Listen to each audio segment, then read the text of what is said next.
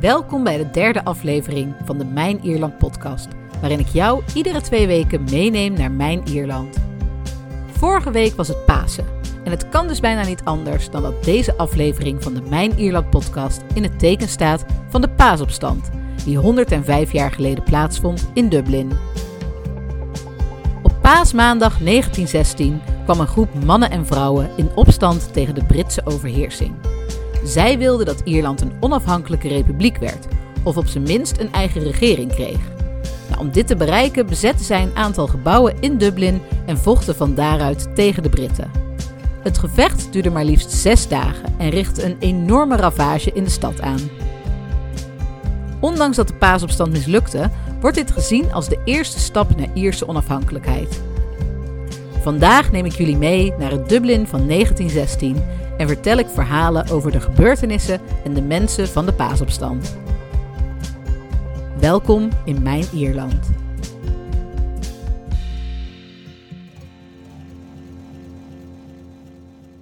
Om te begrijpen waarom de paasopstand plaatsvond, moeten we behoorlijk ver terug in de tijd.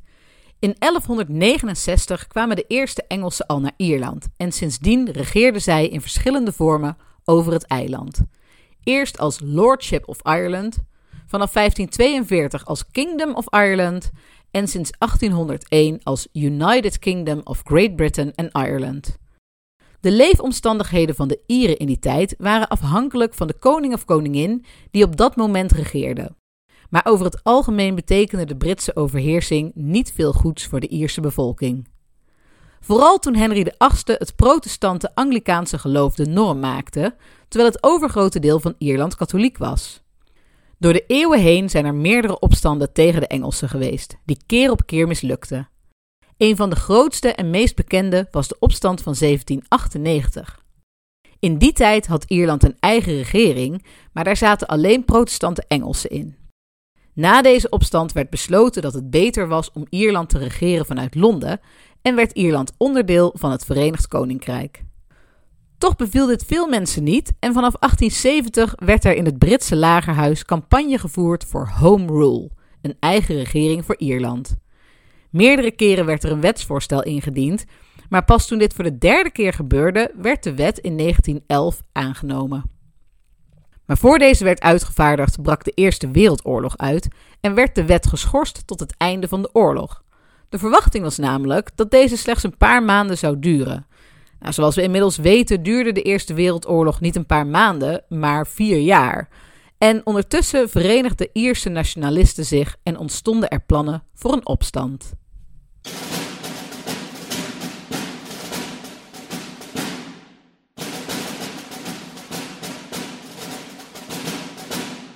Begin april 1916 werden er drie dagen van protesten in de vorm van parades aangekondigd voor Pasen. Dit was toegestaan en gebeurde in die tijd wel vaker. Het idee was dat de rebellen zouden weten dat dit eigenlijk betekende dat de opstand ging beginnen, maar dat de Engelsen dit niet door zouden hebben. Ook werden een aantal Ierse nationalisten niet op de hoogte gebracht van de echte plannen, omdat zij tegen een opstand waren. Een van deze tegenstanders was Owen MacNeill, de voorzitter van de Irish Volunteers, een van de nationalistische groepen. Toen hij op het laatste moment hoorde van de plannen, laste hij de opstand af. Dit maakte hij kenbaar door het in de krant te publiceren. Een andere tegenstander van de opstand was Michael Joseph O'Reilly. Hij kreeg van MacNeill de opdracht om naar Cork, Kerry, Tipperary en Limerick af te reizen om de rebellen daar te vertellen dat de opstand niet doorging. Uiteindelijk hebben deze acties er alleen toe geleid dat de paasopstand een dag vertraagd werd en dat er een stuk minder rebellen dan gepland meededen. Toen O'Reilly na zijn tour terugkwam in Dublin en zag dat de opstand toch doorging, besloot hij zich alsnog aan te sluiten bij de rebellen. Hij zei hierover: Well, I've helped to wind up the clock. I might as well hear it strike. Later in deze aflevering zal ik nog wat meer vertellen over Michael Joseph O'Reilly tijdens de paasopstand. Er was nog een andere tegenslag die de paasopstand bemoeilijkte. Vanuit Duitsland was er een schip vol met wapens onderweg naar Ierland. Deze kwam op Goede Vrijdag aan voor de kust van County Kerry. Maar de marine was op de hoogte van het wapentransport en onderschepte het schip, waarop de kapitein besloot het tot zinken te brengen. De wapens belanden op de bodem van de zee, met als gevolg dat de rebellen slechter bewapend waren dan gepland. De Engelsen hadden berichten onderschept over de aanstaande opstand, maar twijfelden aan de authenticiteit hiervan. Er waren plannen om de kantoren van de nationalistische groeperingen in te vallen en de leiders te arresteren. Maar hun communicatie met Londen ging te traag. Toen de actie geautoriseerd werd, was de paasopstand al begonnen. Op paaszondag kwam een aantal nationalisten bij elkaar om te bespreken wat ze zouden doen nu McNeil de opstand afgeblazen had. Ze besloten de volgende dag alsnog hun plannen uit te voeren. Ze noemden zichzelf The Army of the Irish Republic en verkozen Patrick Pearse als president van de Ierse Republiek en opperbevelhebber van het leger. Ze stuurden berichten naar alle eenheden om hen op de hoogte te brengen van de nieuwe plannen. Patrick Pearse was naast politieke activist leraar en schrijver. Hij kwam uit een gemengd gezin. Zijn vader was Engels en zijn moeder Iers. Hij hield ontzettend van de Ierse traditionele cultuur en taal en schreef daarom voornamelijk in het Iers. Hij geloofde dat de Ierse cultuur alleen kon blijven bestaan als Ierland een eigen regering zou krijgen.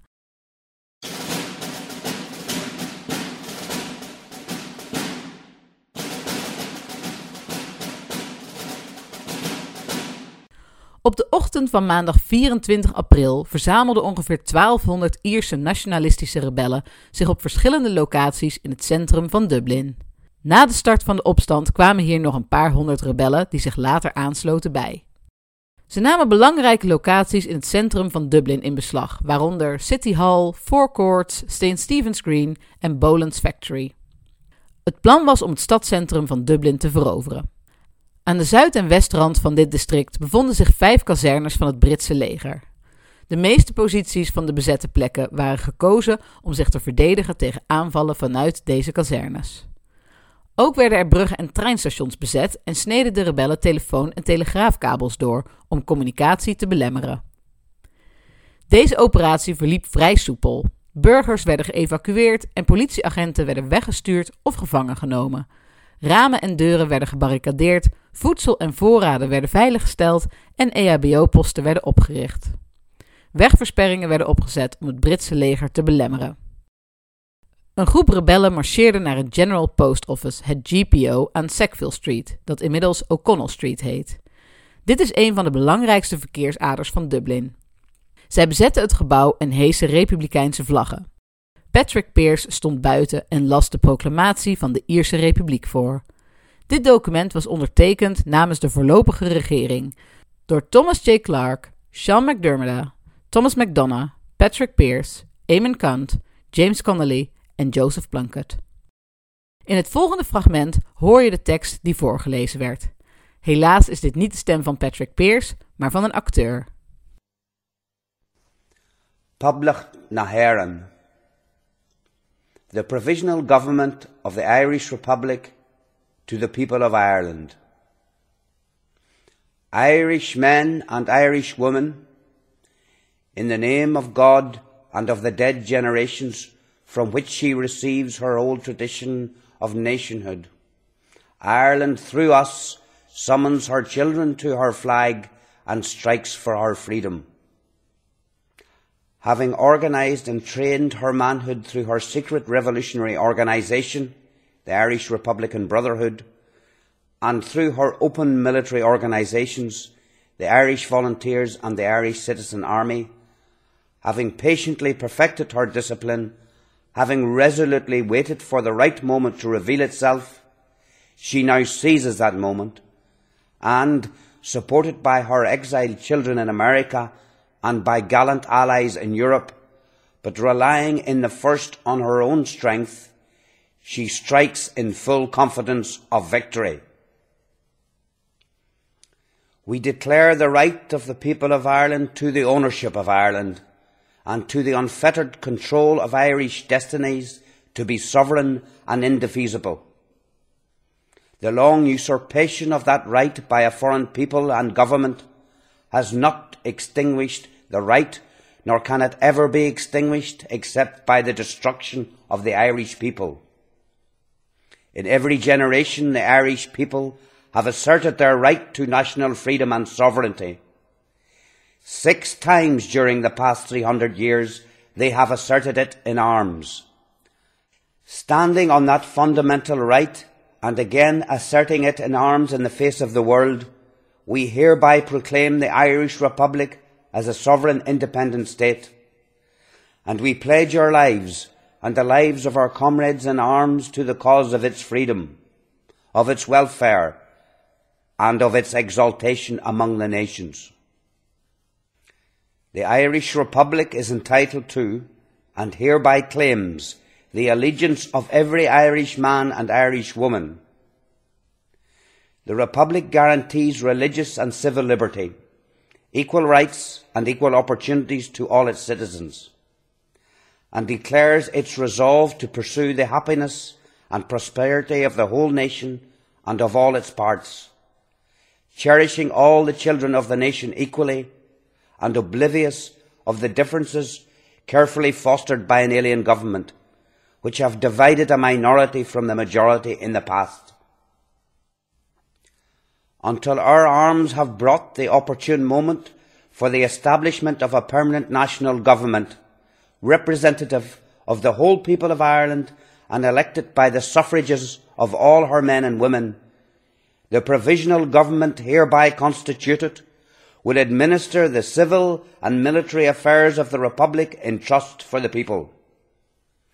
We place the cause of the Irish Republic under the protection of the Most High God, whose blessing we invoke upon our arms, and we pray that no one who serves that cause will dishonour it by cowardice, inhumanity, or rapine. In this supreme hour, the Irish nation must, by its valour and discipline, and by the readiness of its children to sacrifice themselves for the common good, prove itself worthy of the august destiny to which it is called. Kopieën van de proclamatie werden ook op muren geplakt en uitgedeeld aan omstanders en voorbijgangers. Het GPO werd het hoofdkwartier van de rebellen voor het grootste deel van de opstand. Deze locatie was bewust gekozen omdat zich hier een draadloos telegraafstation bevond. De rebellen namen het station over en zonden een radio-uitzending in Morsecode uit, waarin ze aankondigden dat de Ierse Republiek was uitgeroepen. Dit was de eerste radio-uitzending van Ierland.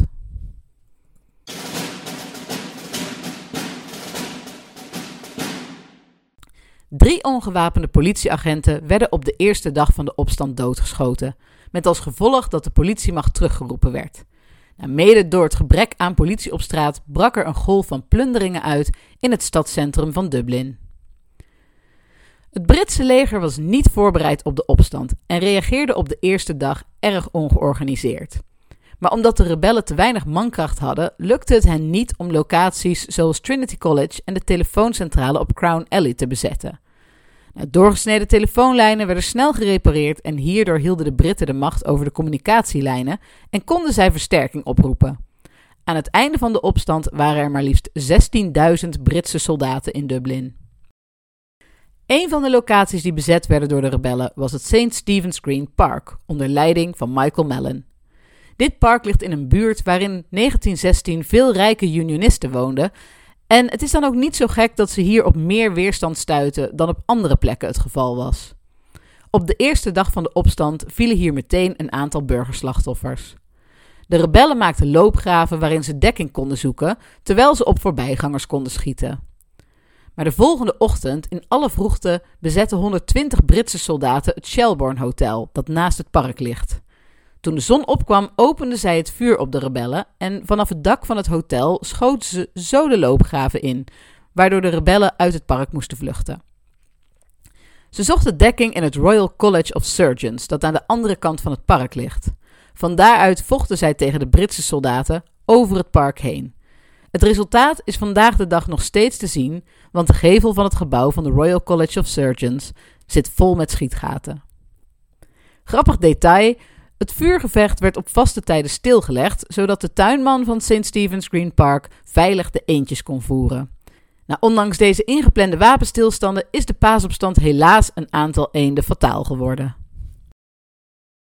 Een van de bekendste personen die vocht vanuit St. Stephen's Green was Constance Markovic. Zij werd in 1868 geboren als Constance Gore Booth in een rijke protestante familie. Ze groeide op in Lissadell House in County Sligo. Ondanks haar rijke achtergrond was zij van jongs af aan al erg begaan met het lot van de minder bedeelden. Ze ging uiteindelijk kunst studeren in Londen en Parijs en leerde de kunstenaar Casimir Markovic kennen. Ze trouwde met hem en samen kregen zij een dochter. Begin 1900 begon Constance zich te interesseren voor de politieke en sociale onrust uit die tijd. Ze werd lid van de nationalistische partij Sinn Féin en streed voor de Ierse onafhankelijkheid. In 1918 werd zij als eerste vrouw verkozen tot het Britse parlement, maar als nationalist heeft zij haar zetel nooit ingenomen.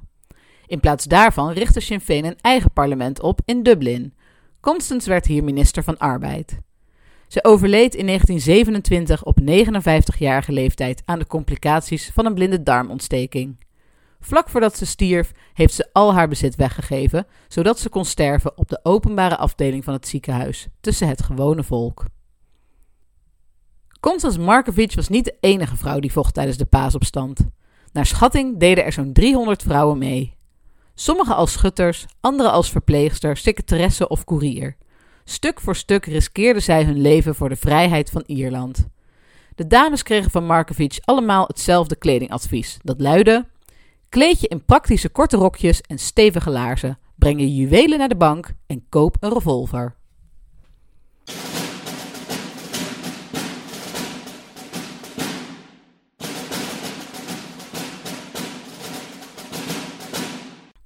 Na dagen van beschietingen brak er op de vijfde dag van de paasopstand brand uit in het General Post Office, het hoofdkwartier van de rebellen.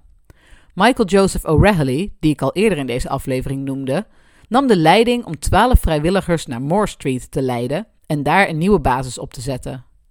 Desmond Fitzgerald was de laatste die met O'Reilly sprak toen hij het GPO verliet. Volgens zijn memoires zou O'Reilly vrij vertaald hebben gezegd: Dit is zeker het einde. Ik had nooit gedacht dat het zo lang zou duren. Maar stel je voor dat je dit gemist zou hebben en dan sterft door onder een tram te rennen of verkouden te worden. We need to push through this barricade down here at the end of Moore Street. We need 12 volunteers, lads. Who's with me? Yeah, Heads down, stay tight, stick together. Let's go. Come on, Toen de rebellen Moore Street ingingen, werden zij beschoten door een Brits machinegeweer dat in de straat opgesteld was. O'Reilly en een aantal anderen werden neergeschoten. De andere rebellen braken door muren van de naastgelegen gebouwen om zo veilig op de nieuwe basis aan te kunnen komen. O'Reilly vluchtte een steegje in en terwijl hij op sterven lag, schreef hij een brief aan zijn vrouw Nancy. Hij schreef het volgende. Darling Nancy, I was shot leading a rush up Moore Street and took refuge in a doorway. While I was there, I heard the men pointing out where I was and made a bolt for the laneway I'm in now. I got more than one bullet, I think. Tons and tons of love, dearie, to you and the boys, and to Nell and Anna. It was a good fight anyhow. Schijnbaar kostte het hem 19 uur om te sterven. Volgens een ooggetuige lieten de Britten geen medische hulp bij O'Reilly komen. Ze bewaakten zijn lichaam totdat hij doodgebloed was. Na de paasopstand werd zijn brief bij Nancy afgeleverd. Vanaf de nieuwe basis op Moore Street besefte Patrick Pierce dat verder vechten alleen maar voor meer slachtoffers zou zorgen en dat er dan niets van de stad over zou blijven. Op zaterdag 29 april gaf hij alle eenheden het bevel om zich over te geven. Hij schreef een briefje aan de Britse commandant William Lowe, dat hij liet bezorgen door verpleegster Elizabeth O'Farrell. Hierin stond één hele lange zin. Hij schreef, vrij vertaald: Om de verdere afslachting van Dublin-burgers te voorkomen en in de hoop de levens te redden van onze volgelingen, die nu omsingeld en hopeloos in de minderheid zijn, hebben de leden van de voorlopige regering die aanwezig zijn op het hoofdkwartier ingestemd met een onvoorwaardelijke overgave en de commandanten van de verschillende districten in de stad en het graafschap zullen hun troepen bevelen de wapens neer te leggen.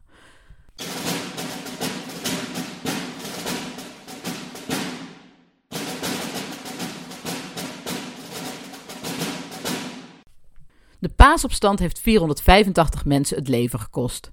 Meer dan de helft hiervan waren burgerslachtoffers. De meeste van hen stierven door Brits vuur. Aan de ene kant kwam dat omdat de Britten veel zwaardere wapens gebruikten, en aan de andere kant omdat het lastig was voor de Britten om burgers en rebellen van elkaar te onderscheiden. Veertig slachtoffers waren kinderen, waarvan vier deel uitmaakten van de rebellen. Ruim 2600 mensen raakten gewond. Na de paasopstand werden ruim 3500 mensen gearresteerd. Op 2 mei begonnen de rechtszaken tegen 187 arrestanten. Deze zittingen werden in het geheim gehouden en er was geen verdediging aanwezig. Later werd geoordeeld dat dit niet legaal was. 90 mensen werden ter dood veroordeeld, waaronder de zeven ondertekenaars van de proclamatie. Ook Constance Markovic werd voor haar rol in de paasopstand tot de doodstraf veroordeeld. Zij was de enige vrouw die deze straf kreeg opgelegd. Maar juist omdat zij een vrouw was, is haar straf omgezet in een gevangenisstraf. Zelf vond zij dit belachelijk en zei hierover: Ik zou willen dat jullie het fatsoen hadden om me neer te schieten. Ze belandde in een gevangeniskamp in Groot-Brittannië, maar werd een jaar later samen met de andere paasopstandgevangenen vrijgelaten. Een andere veroordeelde die aan zijn executie kon ontsnappen was Eamon de Valera. Hij was in New York geboren en had naast de Ierse ook de Amerikaanse nationaliteit. De Amerikaanse ambassade tekende protest aan en waarschuwde dat de executie van de Valera voor een verslechterde relatie met Amerika zou leiden. Ook zijn straf werd omgezet in een gevangenisstraf. Hij werd later een belangrijke politicus die een sleutelrol speelde tijdens de War of Independence, meerdere keren als Taoiseach, oftewel minister-president, diende en in 1959 verkozen werd tot president van Ierland. Uiteindelijk werden slechts 16 rebellen daadwerkelijk geëxecuteerd, want door de executies veranderde de publieke opinie over de paasopstand en kwam er steeds meer draagvlak voor de opstand. In Westminster waren ze bang dat meer executies voor grote problemen in Ierland zouden zorgen. Uiteindelijk werden 1836 gevangenen naar strafkampen in Engeland en Wales gestuurd. Deze kampen werden later de Universiteiten van de Revolutie genoemd, omdat de gevangenen hier de toekomstige strijd voor onafhankelijkheid begonnen te plannen. Dit resulteerde in de War of Independence, die er uiteindelijk voor zorgde dat Ierland in 1922 een Ierse vrijstaat werd met een eigen regering. Toch was de Ierse vrijstaat niet onafhankelijk en het bleef een Britse heerschappij. Ook betekende dit dat Noord-Ierland afgescheiden werd en onderdeel zou blijven van het Verenigd Koninkrijk. Dit is tot op de dag van vandaag zo gebleven. Pas in 1937 werd Ierland een volledig onafhankelijke republiek. Er wordt vaak gerefereerd aan de paasopstand in liedjes en gedichten. Een van de bekendste nummers over de opstand is Foggy Dew. Je hoort een fragment van dit nummer, uitgevoerd door Luke Kelly. As down the glen one Easter a city fair rode I.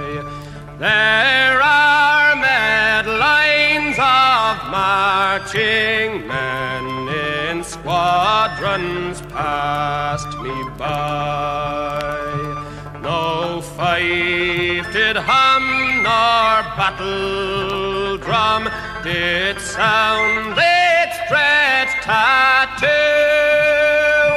But the Angelus bells or the Liffey swell rang out through the foggy dew. Right proudly high over Dublin town they hung out the flag of war. Achteraf wordt gezegd dat de rebellenleiders van de paasopstand heel goed wisten dat ze niet zouden gaan winnen. Maar zij hoopten dat ze met hun acties een revolutie zouden starten en waren bereid hun leven te geven voor Ierland. En die visie bleek te kloppen. De paasopstand was mislukt, maar het was de eerste grote stap naar vrijheid. En zonder deze opstand had het waarschijnlijk nog veel langer geduurd voor Ierland onafhankelijk zou worden. Met terugwerkende kracht was de opstand uiteindelijk dus toch succesvol. Success through failure noemen ze dat hier. Over de jaren na de paasopstand, die uiteindelijk resulteerde in een onafhankelijke republiek, zou ik een hele podcastaflevering kunnen vullen. En wie weet doe ik dat in een van de volgende afleveringen. Voor nu zit het erop. Over twee weken is er weer een nieuwe aflevering waarin ik jou wederom meeneem naar mijn Ierland. Deze podcast is een product van Witty Walks, mijnierland.nl en de Reizen door Ierland Facebookpagina. Vind je dit een leuke podcast? Vertel het dan door tegen vrienden en bekenden of deel het op social media. Wil je meer lezen, luisteren en kijken over Ierland? Ga dan naar www.mijnierland.nl voor meer content. Hier kun je ook suggesties doen voor nieuwe podcastonderwerpen of jouw vragen over Ierland stellen, die ik in de podcast zal beantwoorden. Als er in de toekomst weer naar Ierland gereisd kan worden en je wil graag met mij als gids op pad, kijk dan op www.stadswandelingdublin.nl voor mijn tours door Dublin en de Wicklow Mountains. Ik hoop je in de volgende podcastaflevering opnieuw te mogen verwelkomen in mijn Ierland. Tot dan!